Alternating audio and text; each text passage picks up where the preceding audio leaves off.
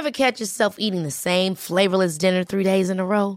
Dreaming of something better? Well, HelloFresh is your guilt-free dream come true, baby. It's me, Gigi Palmer. Let's wake up those taste buds with hot, juicy pecan-crusted chicken or garlic butter shrimp scampi. Mm. Hello Fresh. Stop dreaming of all the delicious possibilities and dig in at HelloFresh.com. Let's get this dinner party started.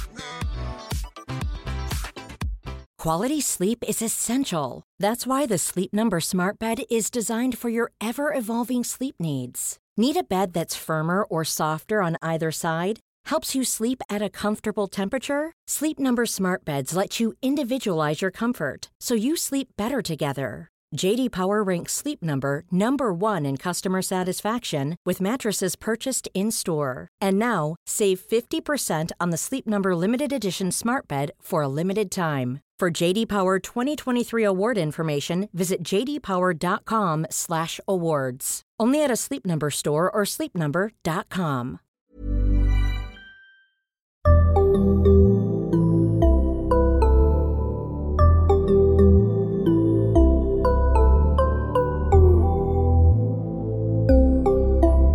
Barnpsykologerna.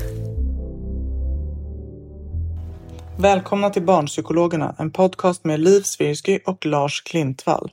Och idag har vi med oss Åke Pålshammar. Eh, och Åke, du ska alldeles strax få presentera dig lite mer. Eh, men jag tänker att jag börjar med att bara berätta vad du ska prata om.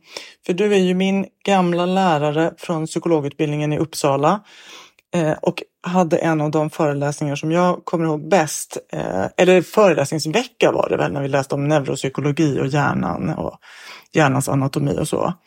Och när vi kom på att vi skulle vilja ha ett avsnitt som handlar just om hjärnans anatomi så kändes det som att ingen kan göra det bättre än du. Så välkommen Åke att berätta lite för våra lyssnare vem du är. Ja, tack så mycket. Ja, jag är som sagt um, lärare vid universitetet och har varit det i ganska många år. Jag tycker att eh, lära ut är någonting alldeles underbart, givetvis också att lära sig själv. Eh, jag är neuropsykolog också och sysslar med den här kopplingen mellan hjärnan och beteendet. Och jag tycker att även människor som då både yngre och äldre än genomsnittet så att säga är väldigt intressanta, inte minst därför att då ser man hur hjärnan ibland då inte har kommit eh, upp i någon riktig kvalitet i alla avseenden. Och när man är liten. Och sen eh, när man blir gammal så kan det ibland bli en tillbakagång, vi kallar det där ibland för demens eller demenssjukdomar och så vidare. Och då är det nästan som man går i barndom igen och eh, tappar en mängd kvaliteter. Så hjärnan är väldigt fascinerande, den är väldigt flexibel och annat. Så att jag håller på ganska mycket och försöka förstå det här. Jag, jag kan inte påstå att jag gör det, men jag tycker det är jätteroligt att prata om det så gott jag kan. Och idag ska du få berätta, tänker jag, om hur hjärnan är uppbyggd, alltså hjärnans olika delar och vad de gör. Eh, sen kommer vi ju göra flera avsnitt med dig för att titta lite mer just på det här som du säger, kopplingen mellan hjärnan och beteenden och psykologi och så. Men, men du kan väl bara börja berätta om hjärnan? Ja, hjärnan är ju fantastiskt svår att begripa sig på. Men med tiden så har vi fått allt mer sofistikerade apparater för att, eh, som nu säkert alla vet, man ska kunna titta in också i den levande hjärnan, inte bara titta på den när så att säga den är död och skära upp delar och kika i den. Idag kan vi se hur de här olika delarna som hjärnan består av agerar i olika sammanhang. Och den eh, enklaste modellen för hur man presenterar hjärnan det är ju bara att säga att vi har en stor hjärna. Det är väl den vi alla tänker på med en slags hjärnbark över ett litet lager. Stora hjärnan. Men vi har också en liten hjärna, eller lillhjärnan som ibland brukar kallas för cerebellum. Och den har kanske med lite andra saker att göra, med, inte minst med motoriken och balansen att göra. Storhjärnan och lillhjärnan, de två stora delarna. Och Sen talar vi också om hjärnstammen. Då kommer vi ner lite längre ner i hjärnan och ner mot ryggmärgen som då transporterar ledningar till de olika delarna av kroppen i övrigt armar, ben och så vidare. Men också tar emot information ifrån de delarna, från kroppen och ger en eh, skjuts upp till den del av hjärnan som ska hantera eh, rörelserna till exempel.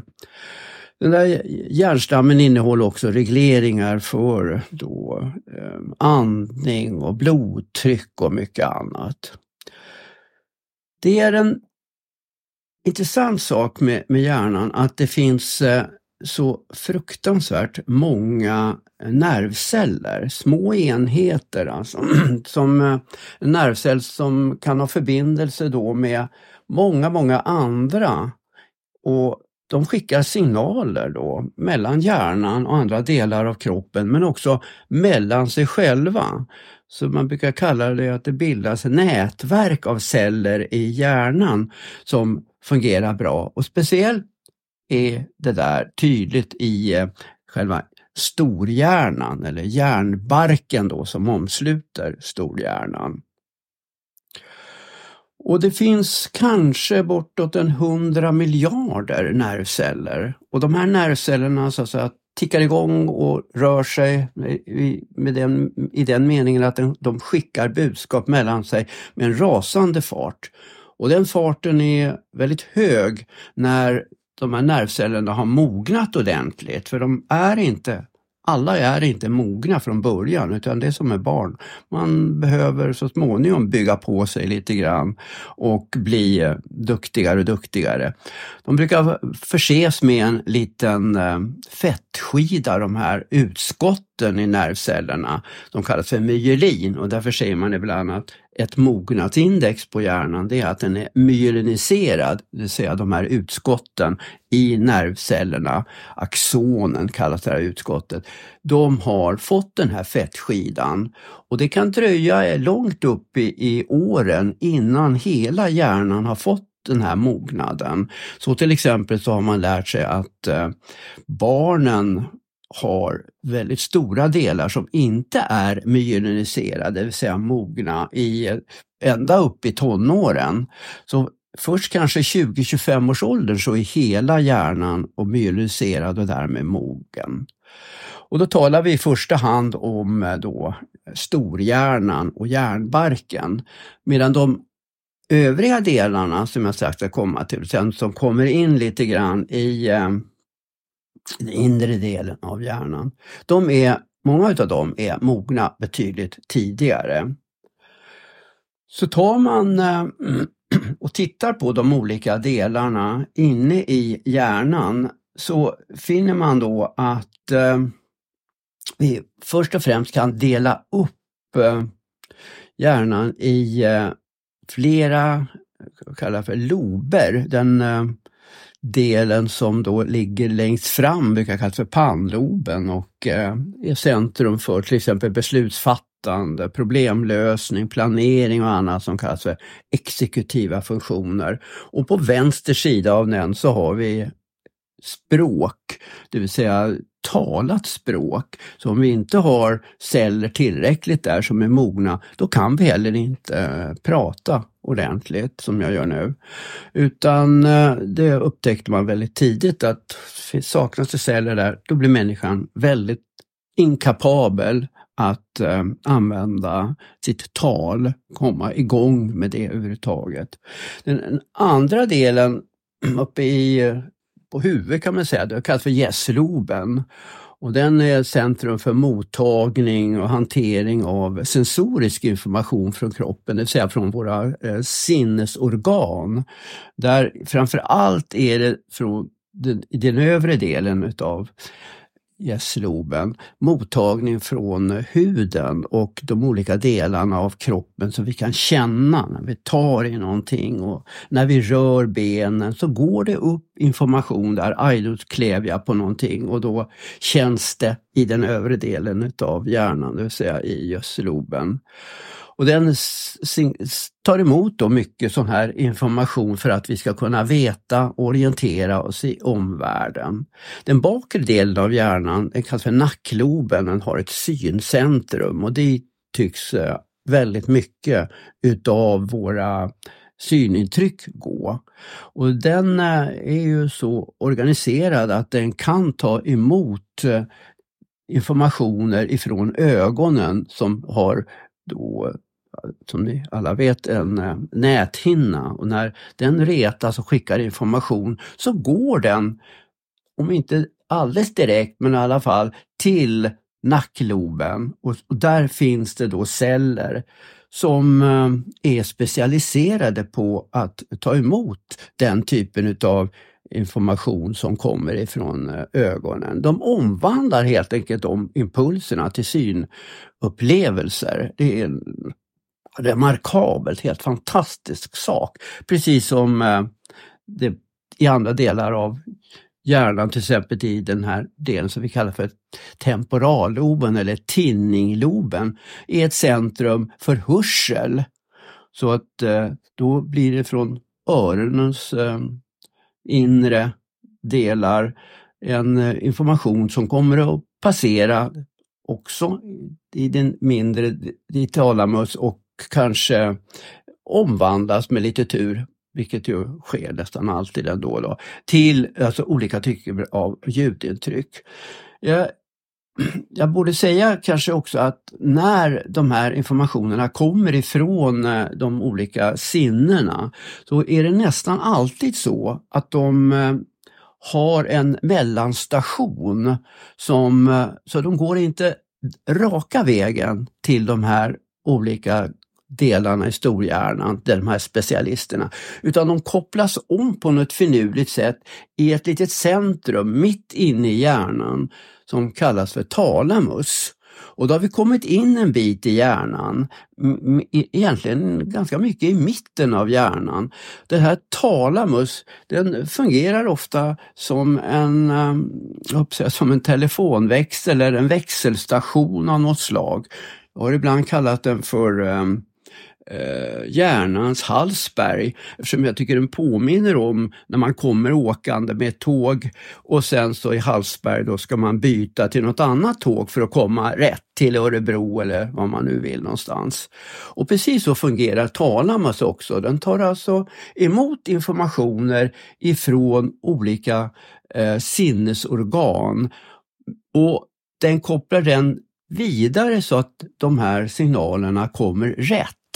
Så där finns det en, ett centralt, eh, väldigt spännande och viktigt ställe för att vi ska få informationer som kommer korrekt. Och skulle talar man om någon anledning koppla fel, då kommer alltså någon som pratar att få information som går istället till eh, alltså på den som lyssnar då. Den kommer att gå eh, kanske till syncentrum så man ser någonting av det som hörs och tvärtom. Om man ser någon, tittar på någonting så kan det låta som ljud om det råkar kopplas över till eh, tinningloben istället, där de speciella nervtrådar finns eller nervceller finns som ska omvandla de här nervimpulserna till eh, ljud. Så det är väldigt, väldigt viktigt att talamus fungerar bra. Så får man fel där så blir det ofta ganska svårt att uppfatta världen och förstå den. Nu har vi en eh, stor del kvar av de här stora loberna som man ofta talar om, alltså den som då eh, mest eh, obekant under lång tid och det är då pannloben. Och den började jag säga lite kort med, men det är ju ändå så att eh, den har i många, många fall kommit att bli den eh, övergripande, bestämmande, eh, avgörande delen för mycket av det vi gör och hur vi fungerar. Eh, jag sa det som att det var centrum för beslutsfattande men också för att eh, överhuvudtaget leda oss själva till vettiga beslut. Att liksom tänka, nej så där ska jag nog inte göra utan så här. Och där är ju just med tanke på den här utvecklingen jag nämnde, vi är väldigt sena som människor att få den färdigutvecklad. Så den kommer alltså att ha eh, svårigheter och därmed så talar vi om barn och ungdomar och övre tonåren också. Att göra sådana här saker som vi ibland kallar för att vi har ett antal exekutiva funktioner. Har bra beslut, man gör tokiga saker och det beror på att den här eh, ja, överordnade delen, det vi kallar för en hjärnans dirigent, att den här överordnade delen liksom inte är har tillräckligt mycket av mogna celler för att styra om och leda den övriga hjärnan och de upplevelser som vi där har, så vi tar vara på dem och får det att fungera för oss i vardagen. Nej, nu ska jag göra sådär istället och inte sådär. Och istället så kanske vi bara rusar åstad och gör någonting.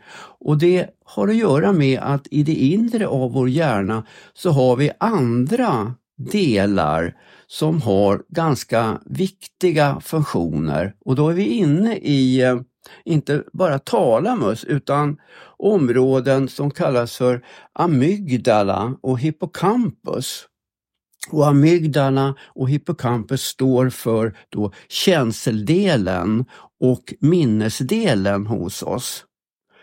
Och om eh, amygdala, amygdala, en även andra små, små centrala delar i amygdalas eh, omgivning eh, fungerar bra, då kommer vi att ha en rik uppsättning med olika känslor. Och framförallt då känslor av typen kunna märka att det där är något farligt, jag ska undvika det. För att hjärnan måste se till att vi överlever, fungerar bra i den värld vi är. Och då har amygdala fått en slags varnande funktion i vår hjärna. Så när vi blir rädda, oroliga, lite spända och tänker oj, det där verkar farligt.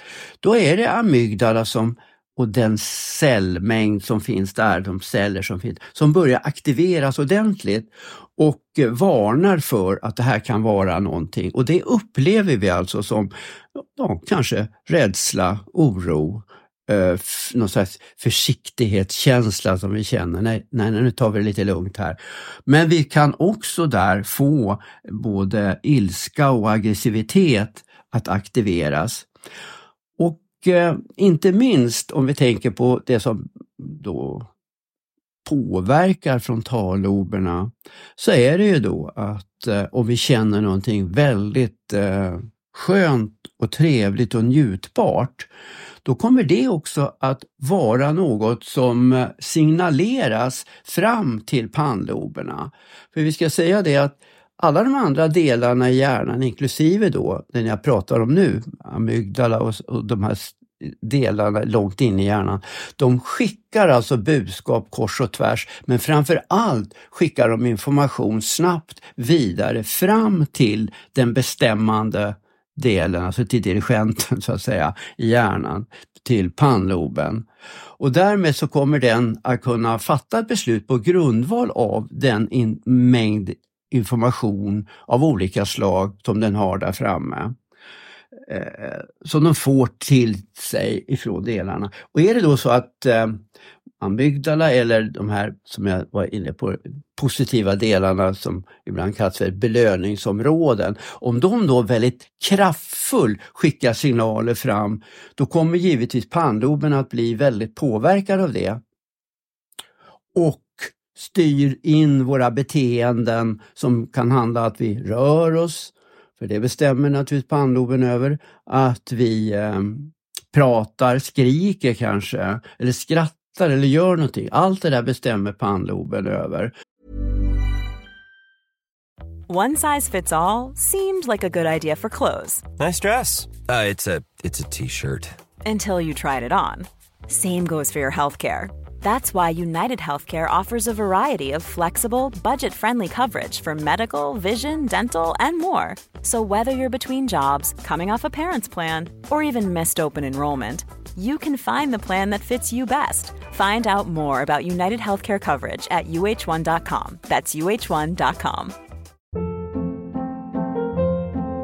Hold up. What was that? Boring. No flavor. That was as bad as those leftovers you ate all week. Kiki Palmer here, and it's time to say hello to something fresh and guilt-free. Hello Fresh. Jazz up dinner with pecan-crusted chicken or garlic butter shrimp scampi. Now that's music to my mouth. Hello Fresh. Let's get this dinner party started. Discover all the delicious possibilities at hellofresh.com. Hey, it's Ryan Reynolds, and I'm here with Keith, co star of my upcoming film, If, only in theaters, May 17th. Do you want to tell people the big news? All right, I'll do it. Sign up now and you'll get unlimited for $15 a month in six months of Paramount Plus Essential Plan on us. Mintmobile.com slash switch. Upfront payment of $45 equivalent to $15 per month. Unlimited over 40 gigabytes per month. Face lower speeds. Videos at 480p. Active Mint customers by 531.24 get six months of Paramount Plus Essential Plan. Auto renews after six months. Offer ends May 31st, 2024. Separate Paramount Plus registration required. Terms and conditions apply if rated PG. Då kommer den att bli alltså väldigt mycket påverkad utav den kraftfulla information som eh, de här delarna inne i hjärnan, djupt inne i hjärnan, där man ibland använder ordet som känslohjärnan eller eh, någonting liknande. Limb limbiska systemet är ett annat fint ord för de där områdena som jag nu pratar om djupt inne i hjärnan. Så hjärnan är är på det viset försedd med både någon slags eh, klokhet, alltså delar utav eh, stora hjärnan, med de delar som eh, har en funktion att ta emot information ifrån omvärlden, tolka den och sen också komma att eh, agera så att man skickar budskap för att eh, få saker och ting att hända med de olika delarna av vår kropp. Och den eh, Återigen, den eh, viktigaste eh, delen i det här är ju eh, pannloberna som ska på något vis få oss att på ett vettigt sätt fatta beslut. Och om inte den klarar det, vilket händer naturligtvis dels när man är väldigt ung, när cellerna där är omogna, men dels också när eh, man kommer upp så högt i åldrarna att man kanske förlorar en del celler där, för det händer med ökad ålder att en del celler försvinner och föråldras och går under och inte kan göra sitt jobb längre. Vi har till och med något som kallas för frontallobsdemens som säkert vi har hört talas om och som gör att eh, celler där förtvinar. Och i och med det så märker man att personen blir eh, väldigt eh, jag säga, dålig på att eh, göra bra saker för sig själv. Man till exempel går ut när det är kallt ute eh, utan att klä på sig kläder som man ska ha. Man gör massa tokiga saker, man säger massa tokiga saker ibland som visar att man har alltså inte den där eh, överordnade kontrollen, vi kallar det ibland för hämning eller alltså, alltså man stoppar, bromsar saker och ting som inte är så lämpliga att visa och äh, agera efter. Och det gör att äh, vi får en uh, svårighet att styra oss själva när frontalloberna ännu inte är mogna. Och får jag bara fråga, beskriver jag det här rätt nu? Om ordningen är sån att från organ, från, från kroppen liksom, skickas då signaler in i hjärnan och då sa du att då är det talamus som tar emot det och skickar ut det till rätt syn mm. eller hörsel eller känsel eller så. Går det... Ja, de, de, de, går, de går också upp till, alltså direkt eh, till de olika delarna, centrum för eh, alltså synen, centrum för hörseln och centrum för känselmottagningen, eh, högst upp på hjärnan.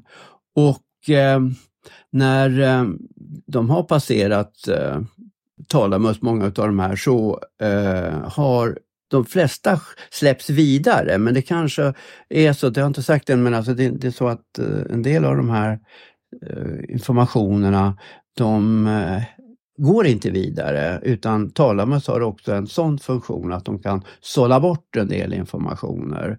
Så att därmed så blir vi selektiva i, i vår mottagning av uh, informationen. Det är lite överkurs men det är, det är det som händer också.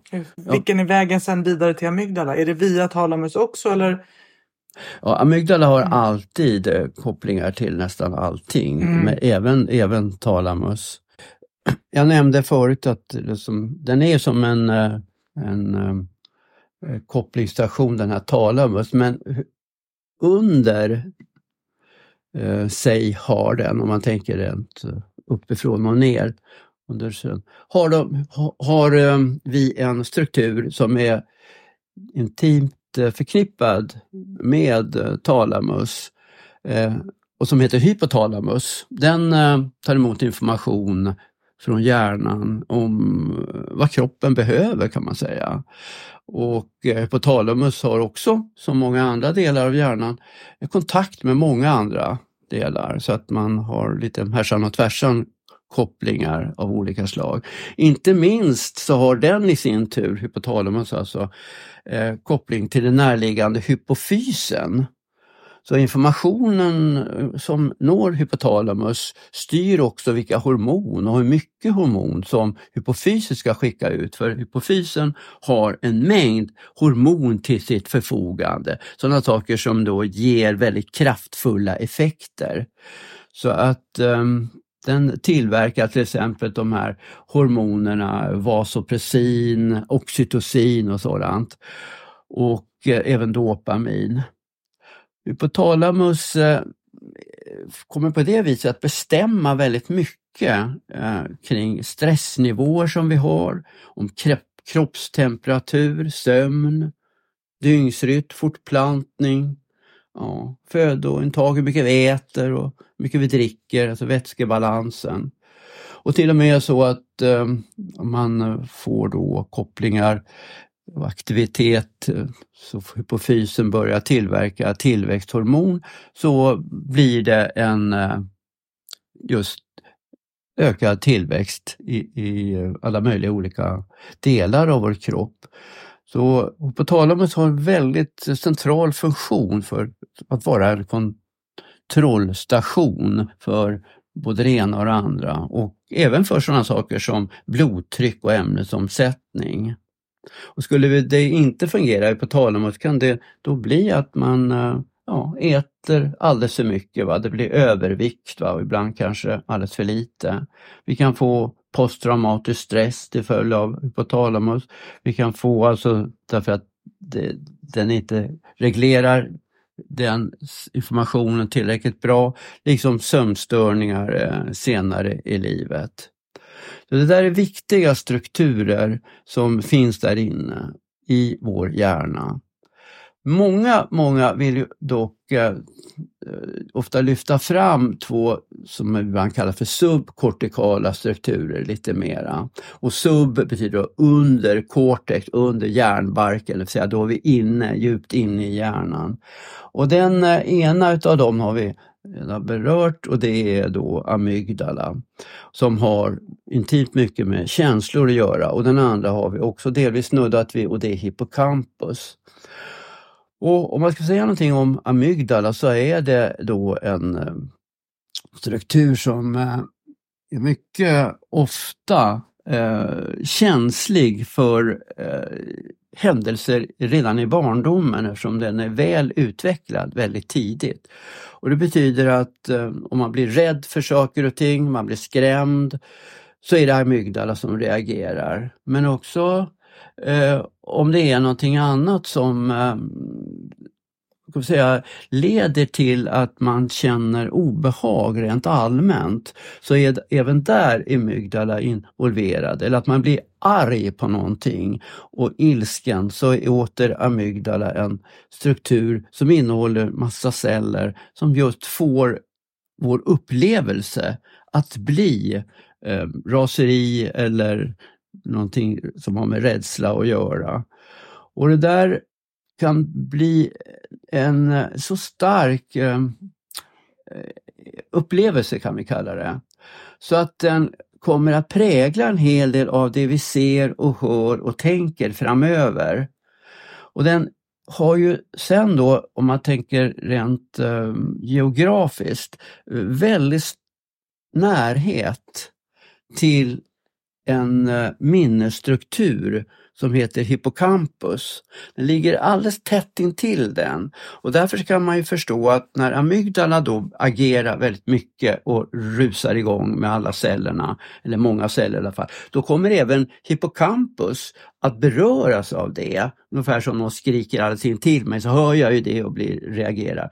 Och när hippocampus då ska Eh, reagera på signaler som kommer ifrån ögon och öron och även från tankar så kommer den att eh, kunna välja om några av de här ska lagras in, för det är en av hippocampus uppgifter, att se till att vi får eh, inlagringar av informationer i vår hjärnbark faktiskt på lite olika ställen också. Men utan hippocampus så blir det alltså ingen inlagring. Det blir inga minnesspår som man säger. Det blir inga nätverk som är lite extra upphottade som gör att vi framöver kommer att minnas de här sakerna som vi nu har sett och hört och, och lärt oss till exempel.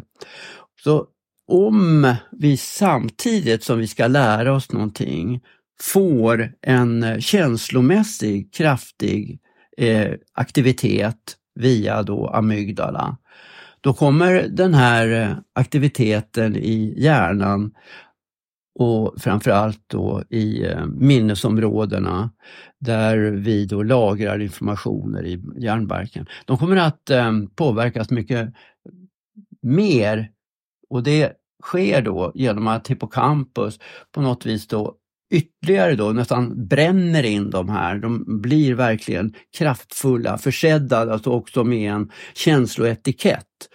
Och det är därför vi ibland blir så överreaktiva för ska säga, vissa saker som vi har blivit rädda för, skrämda för eh, tidigare. Men också sådana som har blivit naturligtvis lite förtjusta i eftersom amygdala också är involverad delvis i positiva saker. Men mest har det då forskats kring de här eh, rädslan och aggressiviteten där eh, amygdala är involverad.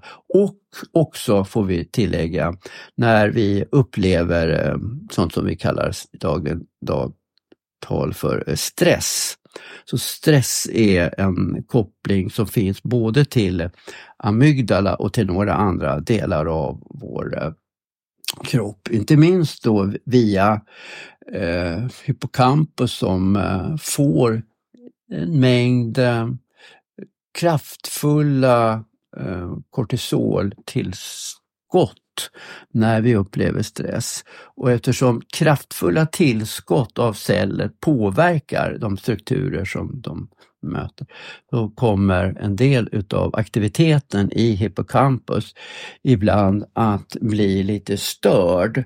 Så att eh, därav att vi faktiskt inte får den eh, väldigt eh, fina inlärning Eh, och minnesaktivitet som vi har trott att vi skulle få. Utan eh, vi till och med blir lite ja, glömska kanske man kan säga.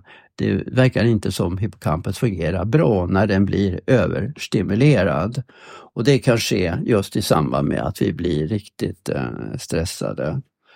Så amygdala och eh, hippocampus brukar ibland kallas för subkortikala strukturer. De ligger alltså inne i det där området som, som jag ibland kallar för känslo och driftshjärnan. Ibland kallas den för eh, limbiska systemet. Så det var några delar. Du, när du beskriver det så tänker man ju att det är en enorm apparat. Men hur, vad väger en hjärna, en vuxen hjärna?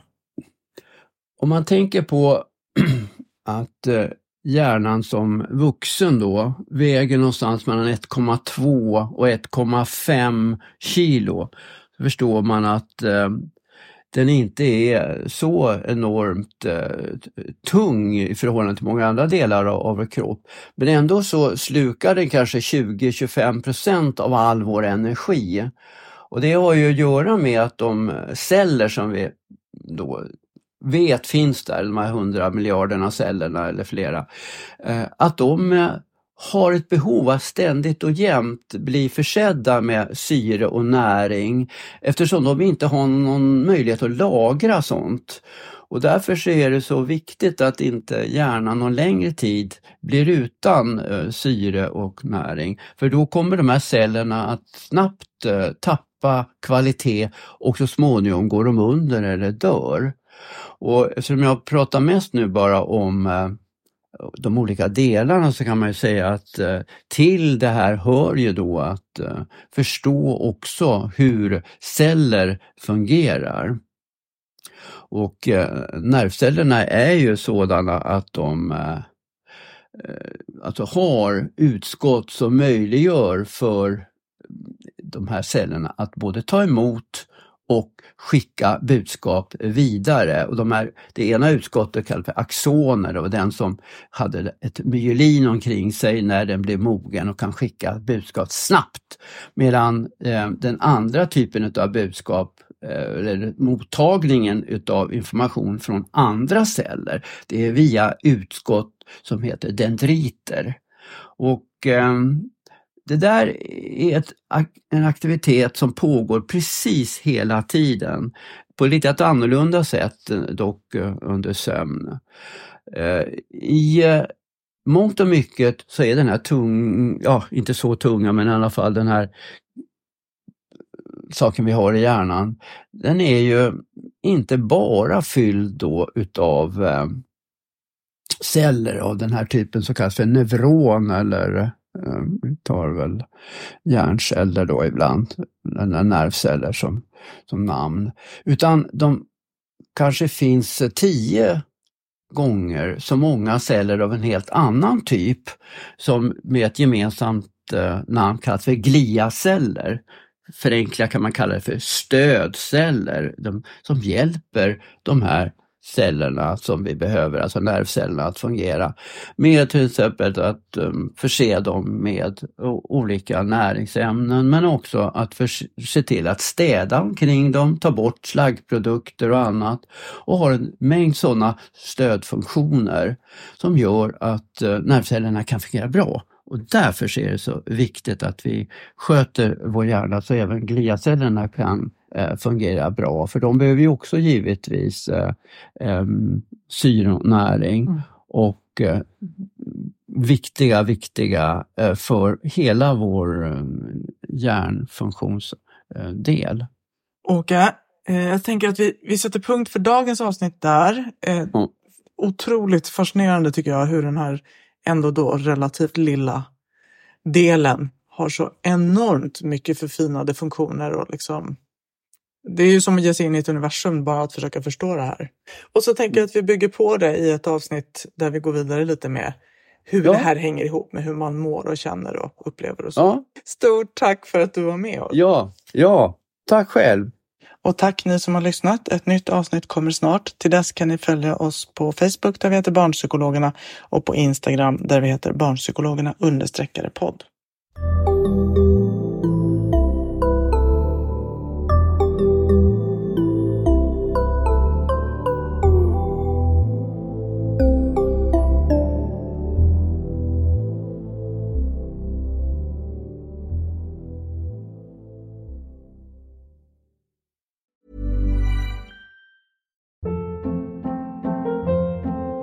Hold up. What was that? Boring. No flavor. That was as bad as those leftovers you ate all week. Kiki Palmer here, and it's time to say hello to something fresh and guilt-free. Hello Fresh. Jazz up dinner with pecan-crusted chicken or garlic butter shrimp scampi. Now that's music to my mouth. Hello Fresh. Let's get this dinner party started. Discover all the delicious possibilities at hellofresh.com. Hi, I'm Daniel, founder of Pretty Litter. Did you know cats tend to hide symptoms of sickness and pain? I learned this the hard way after losing my cat, Gingy. So I created Pretty Litter, a health monitoring litter that helps detect early signs of illness by changing colors, saving you money and potentially your cat's life. Pretty Litter is veterinarian developed, and it's the easiest way to keep tabs on your fur baby's health right at home. Go to prettylitter.com and use code ACAST for 20% off your first order and a free cat toy. Terms and conditions apply. See site for details.